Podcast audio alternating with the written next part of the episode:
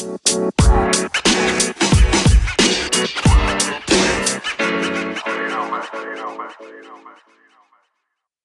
tiba-tiba tuh kepikiran aja kayak uh, gimana kalau misalnya gue bikin semacam organisasi yang fokus di mental health. Soalnya pas itu gue sadar banget itu di Jogja terutama karena gue fokusnya di Jogja kan. Gue uh, sekolah di Jogja masih SMA itu 2018 kayak masih kurang gitu dan kalaupun ada biasanya cuma fokus di uh, sosmed. Mm-hmm, okay. Nah aku pengen kayak uh, apa sih namanya bikin uh, organisasi yang benar-benar uh, turun ke jalan kayak benar-benar kayak campaign di jalan nyebarin pamflet or something like that terus kayak benar-benar engage with masyarakat biar bisa uh, mengedukasi masyarakat secara langsung uh, karena aku lihat kalau misalnya kita lewat dari IG or apa-apa gitu kayak somehow in some ways itu kayak kurang efektif karena biasanya kalau misalnya di Instagram itu kayak either emang orang itu interest ke isu mental health mm-hmm. atau kayak biasanya itu yang muncul di kayak di apa sih itu namanya? Discovery? I don't know yang di page. Apa, explore page. Uh-huh. dan itu kalau emang orang itu emang ada interest di hal itu juga. Jadi kayak kurang uh, approach-nya ke masyarakat itu kurang. Jadi kayak gue mikir ya udahlah gue bikin organisasi ini. Karena uh, gue juga ngelihat itu pas mau UN kan jadi dan mau nyari univ tuh kan jadi kan anak gue tuh lihat teman-teman lagi sibuk-sibuk banget ya kayaknya Ya pas itu pas iya pas lagi sibuk-sibuk banget. Uh, gue ngeliat juga itu di sekitar gue, wah teman-teman gue pada stres semua nih, pada belum dapat univ, hmm. uh, ada yang gagal SNM dan mereka sedih banget, ada beberapa juga yang nangis gue tahu. Terus habis itu kayak, oh it's it's somehow it's very very messed up, and terutama juga selain hal itu, gue juga look at kayak back into my past gitu. Uh, and others mungkin ya. Jadi kayak gue korban bullying dan lain-lain dan gue tahu gue nggak sendirian gitu. Apalagi di sekolah gue juga kayak bullying is something that is common gitu. I think kayak in most school kali ya mm-hmm. tapi nggak semua sih. Tapi kayak ada di beberapa di beberapa sekolah itu yang uh, bullying itu kayak it's a very common thing Mm-hmm. Apalagi di Jogja mungkin orang-orang kenal apa yang namanya klitih, terus kayak uh, tawuran dan lain-lain yang menyebabkan adanya senioritas, terus habis itu juga mungkin beberapa skandal uh, yang uh, apa ya uh, membuat orang sangat terganggu. Mm-hmm. Ini kayak dari situ gue langsung kayak mikir, oke, okay, uh, I need to do something, we need to do something. Terus akhirnya gue ngechat temen gue yang emang dia mau masuk ke uh, psikologi UGM dan dia keterima, alhamdulillah. Nah, puji Tuhan. Jadi ya, puji Tuhan. Dan gue juga belajar dari dia sih sebenarnya kayak I'm not uh, in the full capability to actually explain about this dan gue juga masih belajar dan alhamdulillah juga orang-orang yang gue belajar ini tuh juga yang apa sih namanya kayak punya expertise in that uh, area gitu. Mm-hmm. Dan alhamdulillah juga kayak orang-orang yang di Life Matters itu juga kebanyakan ada beberapa yang dari psikologi dan uh, ada uh, pengawasnya langsung gitu dari UNY, uh, dosen UNY. Okay. Jadi kayak ya terus akhirnya kayak oke okay, I need to create this organization dan muncullah Your Life Matters dan Your Life Matters sendiri tuh kayak juga namanya ya namanya tuh ada cerita gitu jadi pas gue di ada lomba gitu di US Ooh. pas gue lagi uh, international. International. I'm an international person. Wah. ini nih gue menjaga bahasa nih. Jadi pas kayak di US gitu pas uh, lagi belanja biasa lah ya turis gitu kan kayak lagi belanja gitu. I met this family. Awalnya tuh gue kayak ketemu sama anaknya dulu kan. Hmm. kayak anaknya kayak sembunyi-sembunyi gitu di uh, sembunyi di balik apa sih kayak rak baju-baju terus kayak gue liatin terus kayak oh ngajak main. Terus kayak gue ikut-ikutin aja tuh. Terus tiba-tiba bokapnya dia dateng. Hmm. terus ngajak kenalan. Oh ya udah gue kenalan aja kan. Terus dia nanya oh where are you from? Bla bla bla bla bla terus akhirnya pas gue udah mau pergi uh, dia tuh kayak ngasihin gelang tulisannya tuh hashtag your life matters. Oh nah. jadi asalnya dari yeah. situ asalnya dari situ gue kepikiran itu dari situ namanya your life matters dan uh, itu dia itu adalah aktivis kesehatan mental oh oke okay. di okay. US uh dan dia tuh ngasih itu dia juga nge-educate people makanya hmm. gue mikir kayak yang bener-bener kayak uh, benar-benar turun ke jalan tuh juga idenya tuh dari situ. Mm-hmm. Kayak dia tuh ngasih gelang itu terus dia kayak jelasin kayak suicide is very uh, it's a very important issues in America. Mm. Kayak gue juga ingat kalau nggak salah uh, dari data WHO itu kayak setiap jam itu tuh sekitar dua orang meninggal karena bunuh diri atau bahkan lebih aku lupa. Iya benar-benar. Lain-lain terus dia jelasin dan itu yang benar-benar kayak titik awal move uh, yang gitu ya? uh, move yang benar-benar buat gue aware Mhm. dengan mental health issues. Soalnya tuh sebelumnya tuh kayak bener-bener minim pengetahuan gue tentang mental health issues. Kayak walaupun gue dibully, gue juga ikut ngebully orang. it's, it's not good ya, jangan ditiru semuanya. Jangan ditiru ya kawan-kawan. Lu, no. kita perlu yang namanya character development. What's already in the past, just leave it in the past, jangan diulangin lagi gitu ya. nah mulai dari situ kayak ya mulai berkembang lah Mhm. Terus akhirnya ya itu dari situ kayak gue di sekolah tuh kayak juga sharing about these issues tapi mungkin karena masih tabu juga kayak orang-orang yang Mhm. apa sih halai gitu gitu Iya, gitu oh, iya, iya. sampai suatu saat kayak mungkin itu ter kayak mereka di titik di mana mereka udah nggak bisa juga ada kita kan nggak tahu kan orang-orang kayak mereka what what happens to them dan lain-lain terus kayak mereka cerita gitu oh em aku gini gini gini and thank God kayak some of my advices kayak bisa diterima dengan baik and actually helps them in some, in in a way gitu even though I can say that I'm not an expertise but to actually help it helps me to uh, kayak fight my struggle with my mental health issues juga Mhm. gitu loh jadi Yeah. kayak Jadi with gua others you also helping yourself Ya, gitu ya. Mbak. Mhm. ya jadi kayak it's also my coping mechanism gitu Oh, Oke. Ini kayak coping mechanism lu keren banget nih gue lihat-lihat. ya, Helping idealis others. sekali ya gue kebetulan orangnya enggak sebenarnya nggak idealis sih gue realistis ya Jadi kayak Idealis lah, dikit-dikit lah. dikit lah Oke, thank you so much eh, udah ceritain mengenai Your Life Matters. Gue tuh awalnya mikir, oh Your Life Matters itu karena kayak ya kata-kata sering dilihat lihat di Google aja gitu, tapi ternyata ada a full background story gitu. Oke, Jadi well, mungkin kayak kalau kalau misalnya kalian lagi nyari di IG gitu mungkin ya- Your Life Matters sekarang tuh lagi kayak uh, rehat gitu kan soalnya kayak gue kebetulan juga sadar karena uh, pandemi ini membuat kita semua jadi WFO mhm. eh WFH. eh WFH sorry sorry guys jadi WFH terus kayak banyak juga yang struggling karena Mhm. uh, masa-masa ini kayak bener-bener uh, susah buat kita semua jadi kayak gue rehat dulu deh soalnya kan uh, in in a way kayak kita nolong orang itu tuh juga bukannya kita gimana ya, tapi kayak membantu orang tuh juga perlu energi dan Ya, itu bakal mas tenaga banget. Gue Iya. gua di sini kayak gamblang aja biar simple ya. Soalnya Iya. kalau misalnya kayak uh, terlalu apa sih namanya kayak clear, itu kayak biar biar gampang dimengerti juga sih. Iya. Dan gue juga bingung gitu milih-milih kartunya gimana. Jadi kayak oke mungkin karena semua orang lagi struggle apalagi kebanyakan kuliah juga terus dulu kemarin juga masih ada yang nyari kuliah jadi kayak oke let's just take a time just to take care of ourselves focus on Yeah. ourselves to Ya, focus on ourselves dulu gitu kali ya, baru Ya, kita bisa fokus on others gitu. mm-mm. Oke, Gitu sih. well, ya nggak apa-apa sih. Like, ya balik lagi mental is very impor- important dan bukan karena bukan hanya karena lo yang kayak foundernya, jadi lo kayak always Ya. have to continue kayak gitu. Tapi kan lo juga harus butuh waktu untuk diri lo sendiri gitu kan.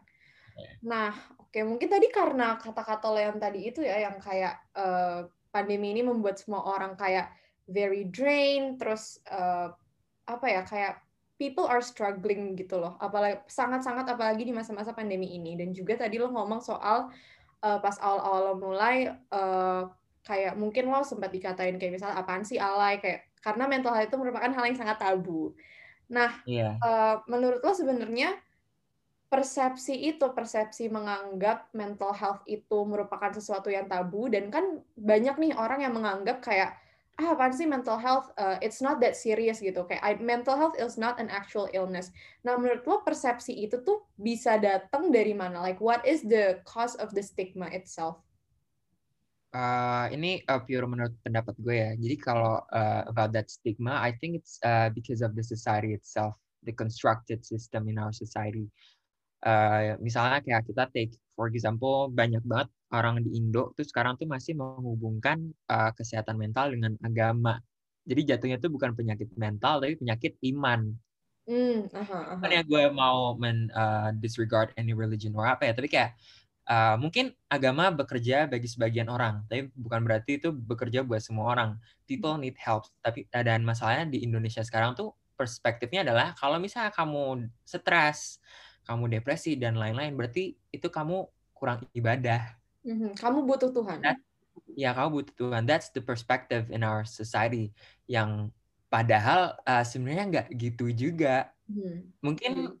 itu bekerja, balik lagi itu bekerja bagi beberapa orang. Mm-hmm. Tapi bukan berarti itu bekerja bagi semua orang. Mm-hmm. Dan it's because we're not in someone else's shoes and we mm-hmm. can never do that. Yeah. Gitu. Oke, jadi tapi menurut lo apakah itu uh, like the only one factor apa atau itu cuma kayak one of the other few gitu? It's one of the other few. Terus uh, yang paling besar juga yang gue lihat di Indo itu adalah uh, banyak masih banyak orang yang menganggap bahwa uh, kalau misalnya kita punya gangguan uh, atau masalah mental itu itu adalah uh, aib. Oh ya, yeah. yes, yes, yes. Ya, That's very yang membuat orang yang membuat orang itu jadi uh, kayak takut untuk uh, open up about their apa sih namanya uh, issues terus hmm. kalau uh, mereka mau cerita-cerita gitu takutnya bakal dijudge sama orang lain. Nah, itu juga masalah yang ada di Indonesia sekarang. Being judgmental, too judgmental.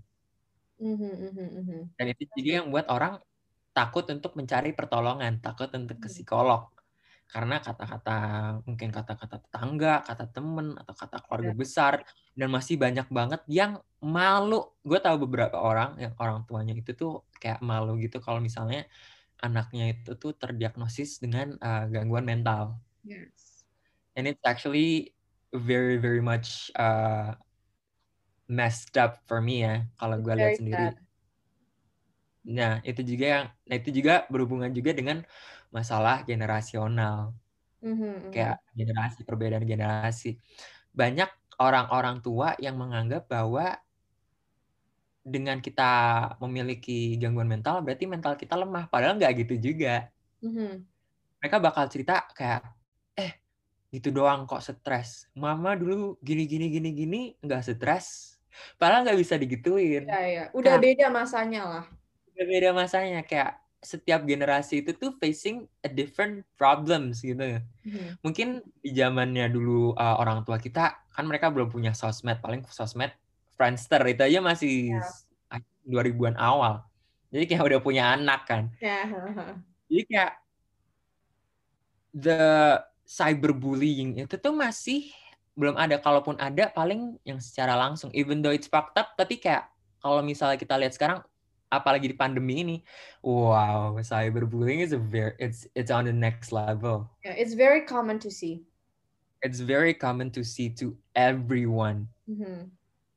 kayak kita lihat uh, yang paling mungkin kelihatan gitu di uh, di kalangan artis-artis lah banyak banget yang kayak uh, ngehujat artis bla bla bla bla atau enggak uh, banyak juga misalnya di platform social media yang kayak nyindir uh, temen sendiri atau enggak kayak um, dalam tanda kutip musuh.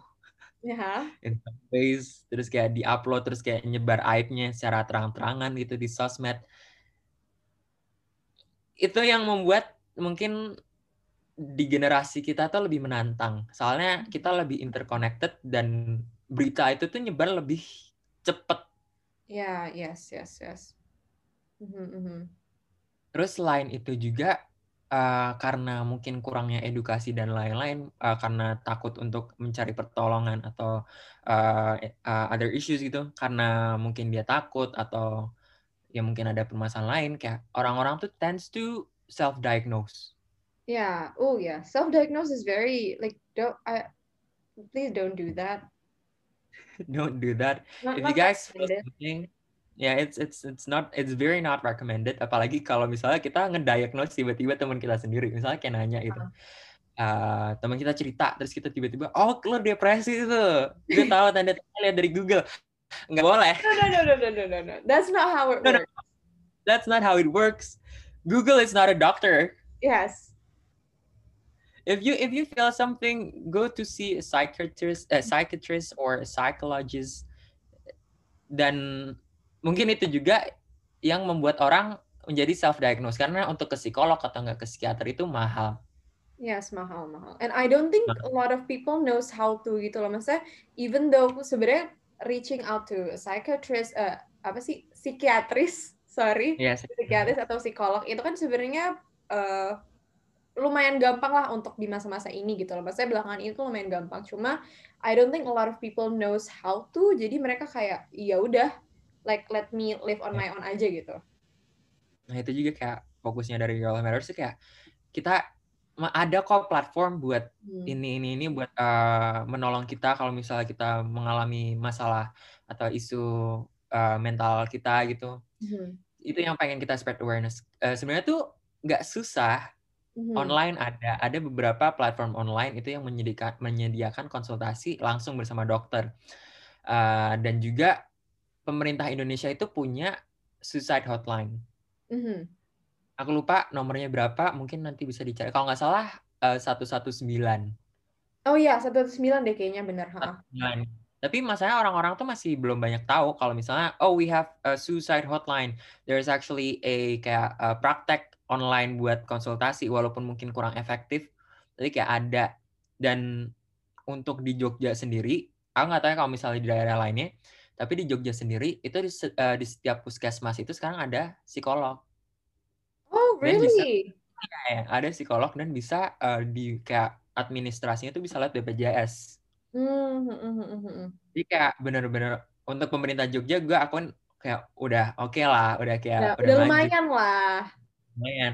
Walaupun mungkin yang di puskesmas ini mereka kayak ada berap- beberapa limitasi. Jadi kalau misalnya mereka udah nganggap itu serius, mereka bakal eh, kayak bukan lepas tangan sih, kayak merekomendasikan untuk ke yang lebih ahli dari mereka dan mungkin itu bakal uh, take more a lot of cost ya. Hmm. Mungkin kelemahannya di situ sih. Kayak bagaimana uh, apa sih namanya? this uh, praktek untuk uh, konsultasi ke psikolog atau ke psikiater itu tuh mahal Ya. banget. Kayak pelayanan ini masih kurang sih di Indonesia. Ya. But like Dan I feel ya like we're getting we're getting somewhere. Kayak kita tidak separah dulu lah ya. ya kita nggak separah dulu tapi kayak masih ini sih jadi kayak tenaga kita untuk eh, dalam area ini ya area kesehatan mental tuh masih kurang banget Masih minim banget. Yes, yes. masih minim banget masih ya masih kurang di antara Yang eh, yang lain sih walau ya even though mungkin kita lebih mending gitu ya dari negara-negara in some in some countries gitu yang mereka benar-benar ignore about uh, mental health issues tapi kayak dengan proporsi populasi Indonesia sekarang dengan melihat kasus uh, bunuh diri atau enggak uh, kasus depresi yang ada di Indonesia kita kayak apa sih namanya tenaganya tuh masih kurang We're still very lacking ya. We're very lacking the facility to actually encounter that issues tuh masih kurang Hmm. Ya, benar sih, benar-benar. Kayak better than before, but still sangat-sangat kurang. Ya, masih kurang Ya. dan ini juga sih kayak banyak masyarakat kita apalagi di pedesaan ya itu kalau misalnya ada orang gangguan kena kayak eh, orang dengan ODGJ orang dengan gangguan jiwa Aha. sekarang kita bukan manggilnya kayak eh kan dulu orang-orang kan manggilnya orang gila kan itu sekarang nggak boleh sekarang kita Benar, manggilnya ya, orang sudah tidak appropriate lagi ya. ya, tidak appropriate kita manggilnya ODGJ kalau Hmm. misalnya di desa-desa itu masih banyak yang kalau misalnya ada orang mengalami ODGJ orang ODGJ itu mereka dipasung Wow. ya mereka Wow. diasing dan diasingkan dari desa tersebut Wow.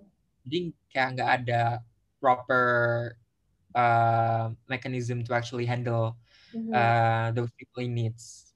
Wow. itu sih yang kurang banget di Indonesia. Dan mungkin juga I don't know ya tapi kayak eh, balik lagi kalau misalnya di desa-desa mungkin kalau misalnya di sama spiritual mereka juga kemungkinan besar bakal ngelihat ODGJ itu sebagai orang yang mungkin kesurupan kerasukan gitu.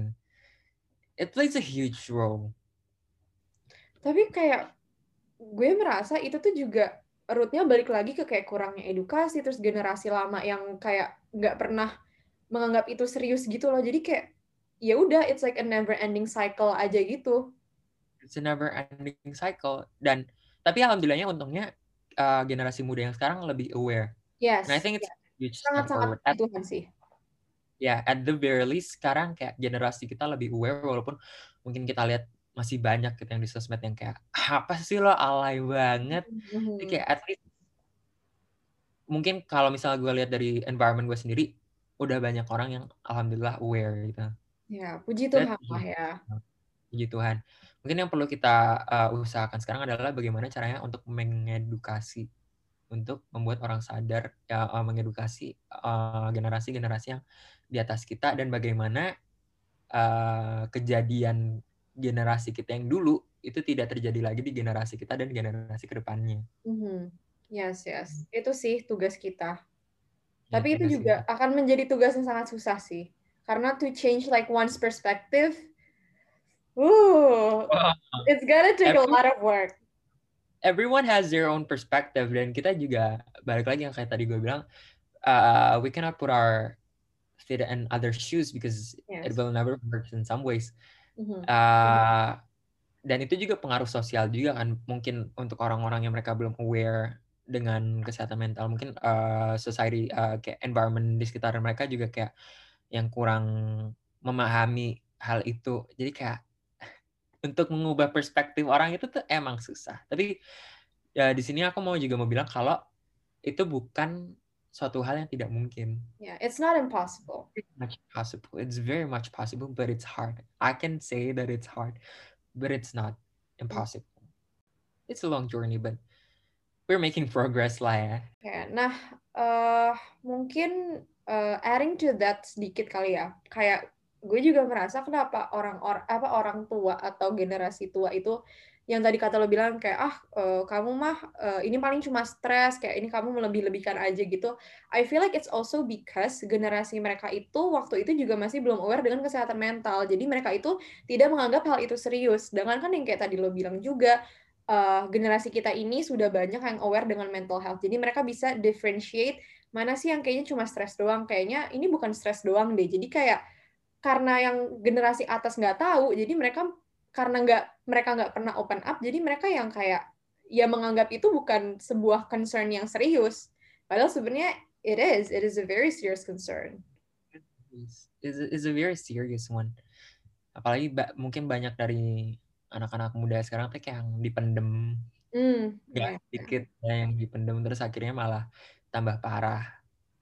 Please guys kalau misalnya kalian punya uh, masalah or something kalau emang kalian gak bisa open up to your friends uh, get help or try mm, yes. Soalnya balik lagi orang-orang punya masalah sendiri kan kayak I don't know mungkin mereka punya trust issues or something mm. but please at the very least get help mm. jangan takut buat minta pertolongan itu bukan berarti kalian lemah kayak yo itu juga sih mindsetnya orang Indo ya mungkin Mm-hmm. Kalau misalnya kita minta pertolongan itu berarti kita lemah. Padahal enggak, enggak sama sekali. Oh, enggak, enggak sama sekali. No, no, no. Sekali. It doesn't make you any weaker. It doesn't make you any weaker. It doesn't dan apa ya? Kayak itu nggak mengurangi nilai lo gitu loh sebagai seseorang. Yes, it doesn't make you less of a human. Hmm.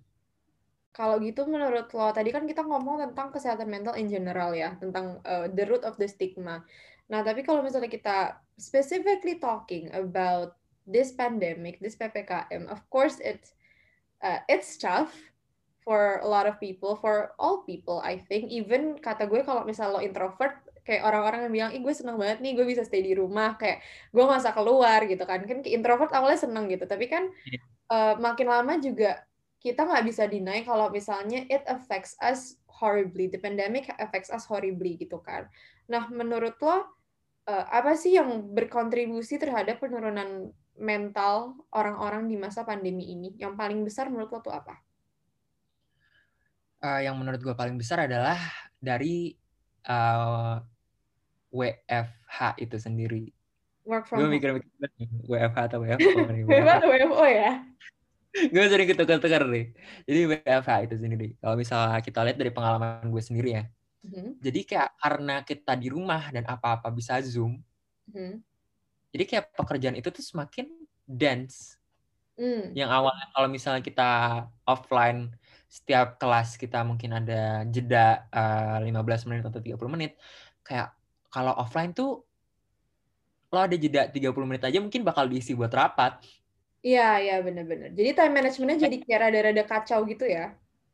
Iya jadi rada-rada kacau dan mungkin untuk beberapa orang dan mungkin untuk aku sendiri jadi kayak mungkin sehari itu tuh bisa ada kelas terus ada tiga rapat dan lain-lain karena everything is portable kan karena semuanya bisa dengan uh, reach with our hands gitu kita lewat laptop jadi kita nggak perlu keluar dan lain-lain kalau misalnya kita offline kan kita kayak aduh nggak bisa nih soalnya gue ada rapat di sini terus misalnya rapatnya jauh jadi kayak susah gitu jadi kayak nggak dulu deh ditunda atau nggak ganti hari gitu. Tapi kalau misalnya online kan kayak mungkin satu-satunya gejala adalah kalau misalnya rapatnya tabrakan kan eh, ta- tabrakan gitu mungkin itu bakal jadi kendala. Tapi kalau misalnya enggak kayak nggak ada alasan juga buat kita menolak.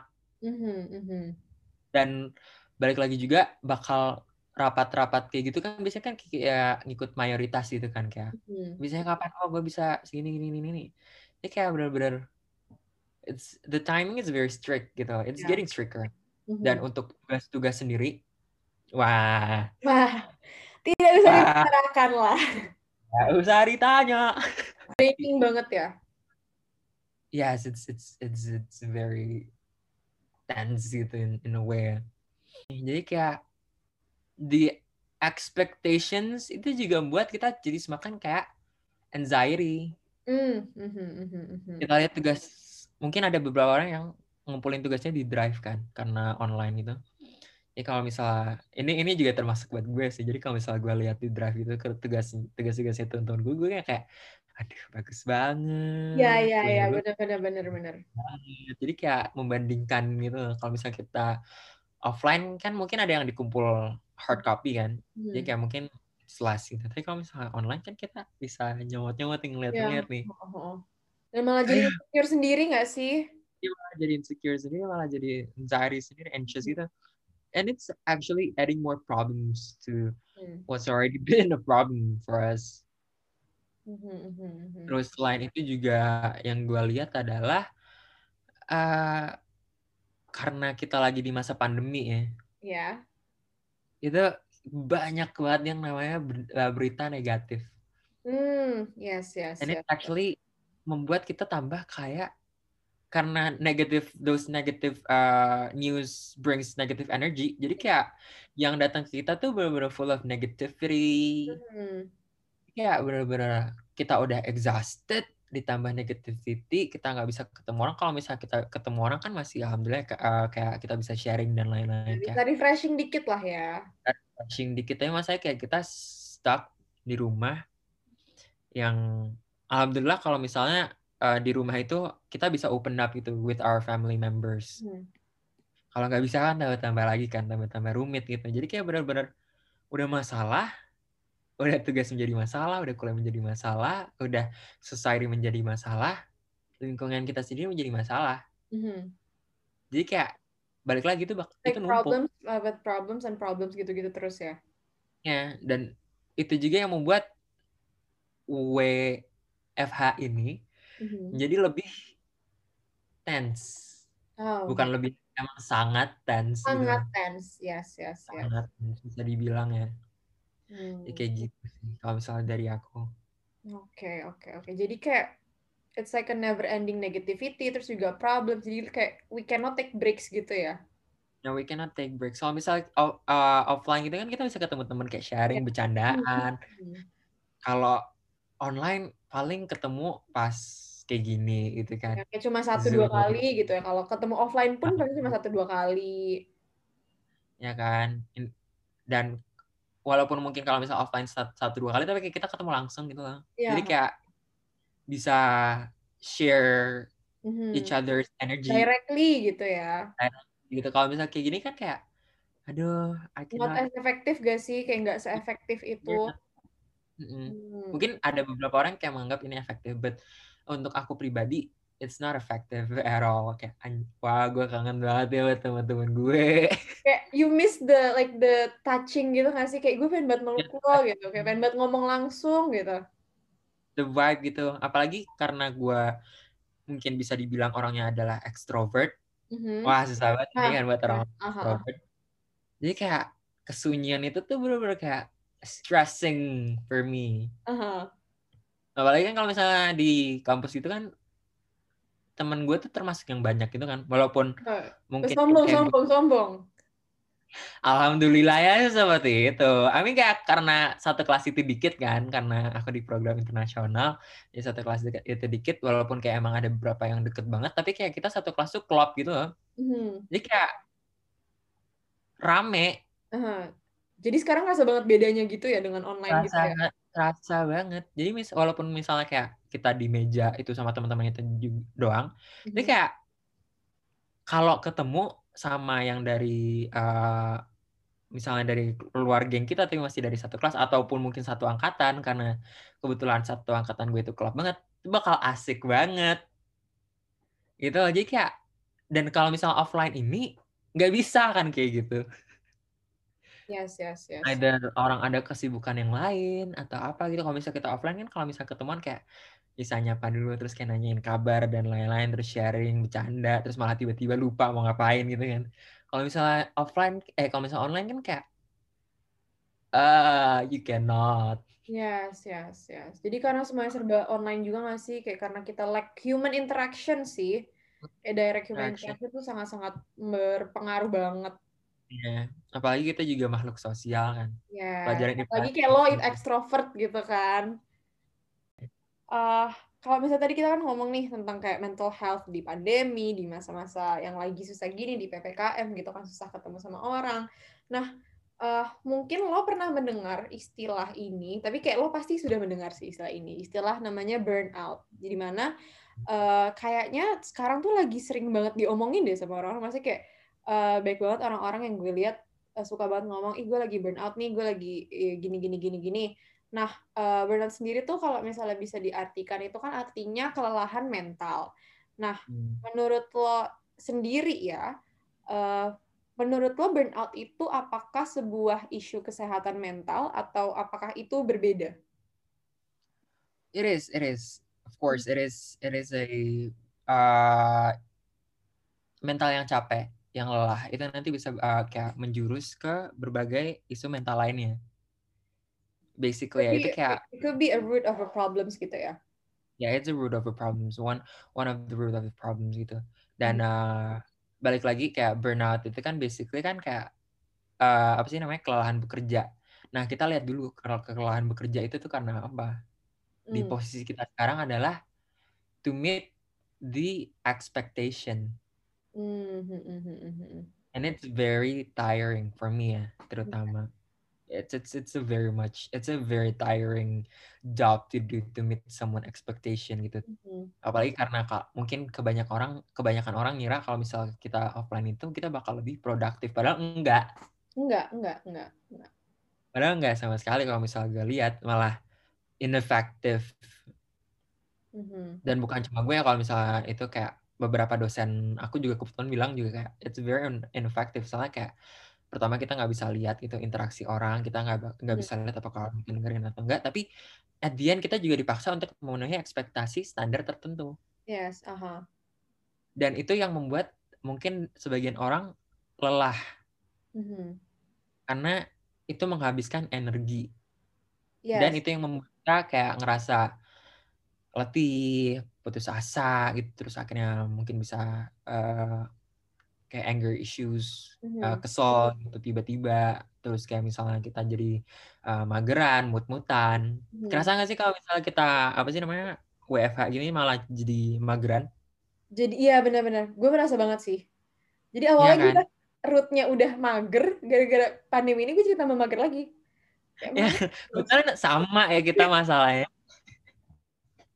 Kita udah mager, tambah mager lagi. Udah kita seperti lagi seperti manusia banyak gitu ya. Padahal ya kayak mungkin orang-orang ngeliat kalau misalnya kita WFH gitu ya kayak kan nggak ngapa-ngapain palingan kerja gitu bisa kerja ditambah-tambah karena uh, we kayak waktunya kita lebih banyak. Biasanya kalau misalnya kita WFO itu kan uh, waktu kita kan terpangkas untuk makan lah, untuk apalah, untuk uh, pergi ke sini ke sana. Tapi kan kalau misalnya di rumah, mau ke mana coba? Iya benar. Nggak bisa ke mana-mana. Nggak bisa ke mana-mana. Bahkan untuk uh, yang tadi yang WFO, yang untuk kita mengambil jeda untuk bahkan nyetir atau jalan itu itu it's it's, it's actually refreshing gitu loh. Hmm. It's it's some kind of time for ourselves kalau misalnya kita nyetir sendiri gitu kayak me time somehow. Kalau gue bisa kayak gitu kalau misalnya gue habis kuliah gitu kayak gue nyetir sendiri me time. Biasanya kayak kadang-kadang juga gue muter-muter atau ke mana uh-huh. gitu atau nggak muter beli McD. Tapi kan sekarang nggak bisa kan. Mm-hmm. it, it's it's hard it's harsh. Hard yes it's hard. Terus mungkin juga ditambah dengan masalah di rumah untuk beberapa orang gitu mungkin yang mereka punya masalah sendiri di rumahnya atau mungkin mereka uh, kayak ekstrovert seperti saya. Mm-hmm. Yang nggak bisa sendirian yang mencoba sama kesunyian yang kayak kalau di rumah sejam itu berasa kayak gatel gitu kan kayak pengen keluar. Tuh kayak ya karena mungkin dari notabene-nya gue juga uh, bisa dibilang sebagai anak yang aktif ikut berorganisasi. Weh nggak juga sih sebenarnya tuh kayak udah. Sombong dari tadi ya lo. Eh, sombong dulu pak. Biar menghadapi realitanya nanti aja tapi kayak sombong dulu aja jika mager pun capek jika bener-bener udah burn out nambah burn out lagi dari mager itu sendiri mm -hmm, ya itulah pandemi dan, menyebabkan ya, dan, dan, dan dan kayak kalau misalnya kita lihat tadi kayak yang gue ceritain dari dari cerita gue burnout itu tuh bukan suatu hal yang kayak tiba-tiba muncul. Mm, mm-hmm. something yang kayak perlahan. Oh, yang iya. awalnya kita kayak semangat, terus tiba-tiba kita udah ngerasa kebeban dengan segala ekspektasi yang ada, tugas-tugas, terus kita mulai letih. There's phases. Yes. Itu sendiri. Dan phase akhirnya adalah phase kritis di mana kita benar-benar need help Mm-hmm. Dan itu juga susah di masa pandemi ini karena to approach people aja susah gitu lah. Yes, yes, yes, yes, benar-benar. Bersyukur banget kalau misalnya kita bisa approach keluarga kita. Nah kalau misalnya nggak bisa, hmm, ya ya benar-benar. Another level of problem. Hmm, yes. Gitu. Wow. Jadi emang burnout tuh ini ya lumayan kritis ya maksudnya. Kayak impact dia tuh bisa gede banget bisa gede banget kalau misalnya kayak terlalu lama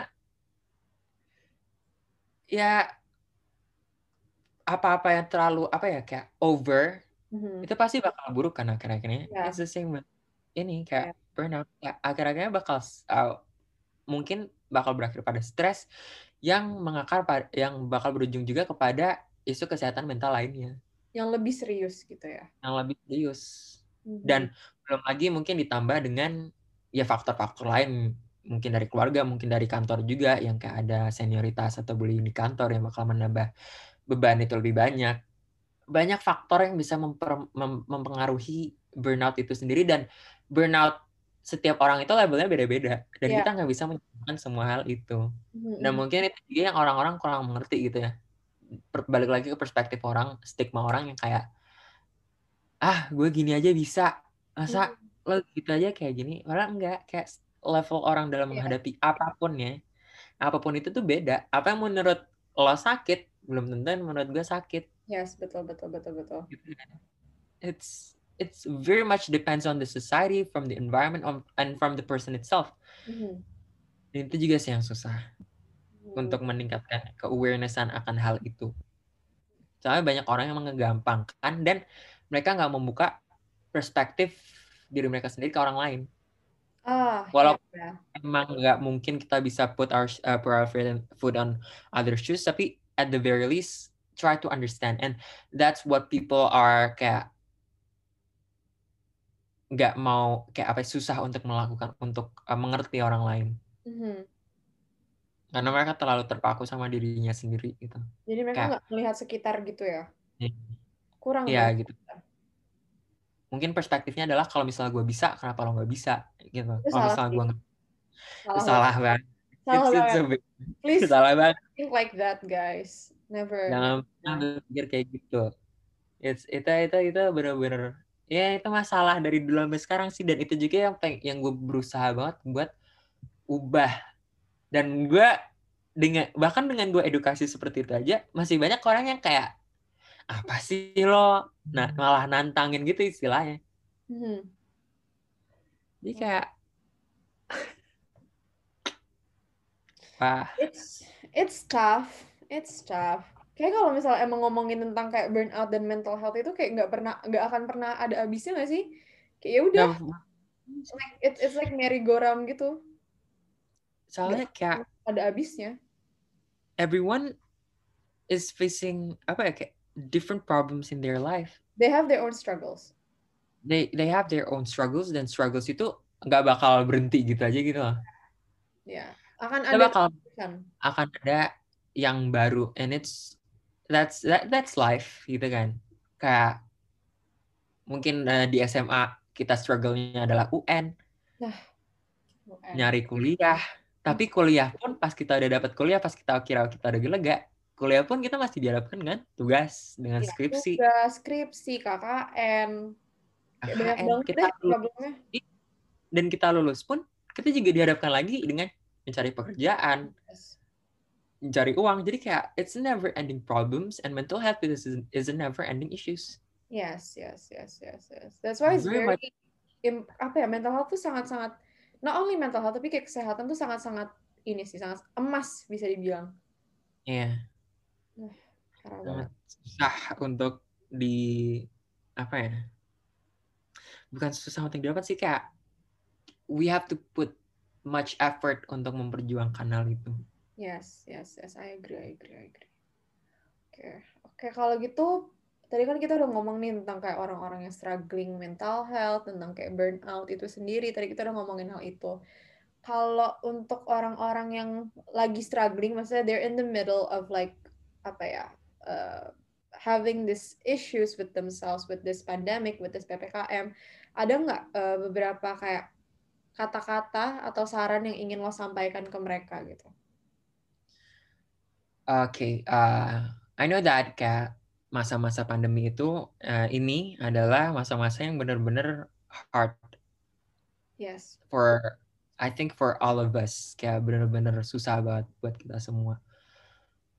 What you can do kalau misalnya kalau kalau misalnya kalian emang perlu banget kalian butuh sharing atau perlu banget buat eh, konsultasi atas isu yang kalian hadapi, please do so. Jangan takut, jangan takut sama stigma orang, jangan takut sama dikat, eh, sama kata-kata orang karena kesehatan kalian itu lebih penting daripada omongan orang lain. Dan tolong juga jangan eh, mungkin karena kalian takut or something jangan akhir-akhirnya malah self diagnosis sekarang tuh kayak eh, ada beberapa instansi yang menyedika- men- menyediakan konsultasi gratis jangan lupa untuk bernafas Yes, betul sekali.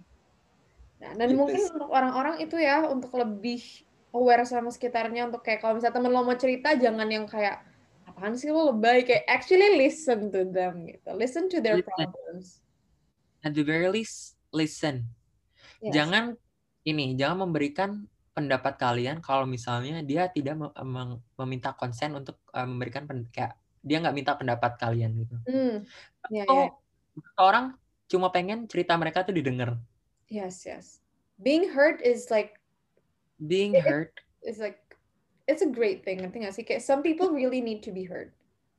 some people really need to be heard dan nggak semua orang juga butuh opini kalian gitu Ya, ya. bukannya kar bukan karena kalian tidak uh, apa sih namanya kayak nggak capable of doing so tapi karena ya mungkin some people just wanted to be heard dan mungkin kalau misalnya mereka minta opini mereka takutnya kalian bakal judgmental dan judgmental is a very very balik lagi is a very very bad thing in a Mhm. way ya Yes. itu aja sih dari aku Oke, oke. Terima kasih Kakak MD atas sharing sessionnya. Terima kasih juga udah share a little bit of yourself about your life and your struggles. Uh, dan semoga orang-orang yang sedang struggling, yang sedang mendengar ini, um, kalian bisa mendapat ya sedikit saran lah. And if you need help, please do so seperti yang kata MD tadi. Dan sekali lagi kalau misalnya if you wanna check uh, yourlifematters.id di IG bisa banget. Uh, ya, bisa. Dan take care of yourself. Be apa ya? Be safe, be healthy, take care of your mental health and uh, again it's it's okay to take a break seperti yang MD sedang lakukan. Yeah, it's very much okay to take a break. Hmm, I think that's what a lot of people apa ya susah untuk melakukan karena kayak mereka mikir kayak ah kayak kalau misalnya gue take a break berarti gue lagi malas-malasan padahal enggak padahal enggak enggak enggak itu sangat it, it, people need, need that people need that people butuh banget yang namanya mid time and itu bukan tanda kalian malas-malasan tapi karena emang kalian butuh waktu aja Iya, iya benar-benar. Itu underrated banget sih kata-kata me time itu untuk kayak fokus ke diri lo sendiri tuh a lot of people don't get that. So if you yes. if you're if you're hearing this right now, it's okay to take a break. It's okay to to have me time to like focus on yourself. Lo mau shopping, lo mau apa pun itu silahkan banget. Karena again, your mental health is what matters the most. Okay. And ini don't push yourself. Yes. Don't push yourself too much. Bener sekali kawan-kawan. Oke, terima kasih MD sekali lagi atas semuanya, atas saran-sarannya. Semoga uh, orang-orang bisa terbuka ya matanya, telinganya. Semoga mereka bisa lebih sadar juga tentang uh, this mental health awareness. Oke, nah oke mungkin itu dulu untuk episode podcast kita di hari ini, episode ketiga of Your Perfect Omelette Podcast. Terima kasih sekali kepada MD. Uh, eh, And yeah, and I will see you on the next episode. Bye-bye semuanya.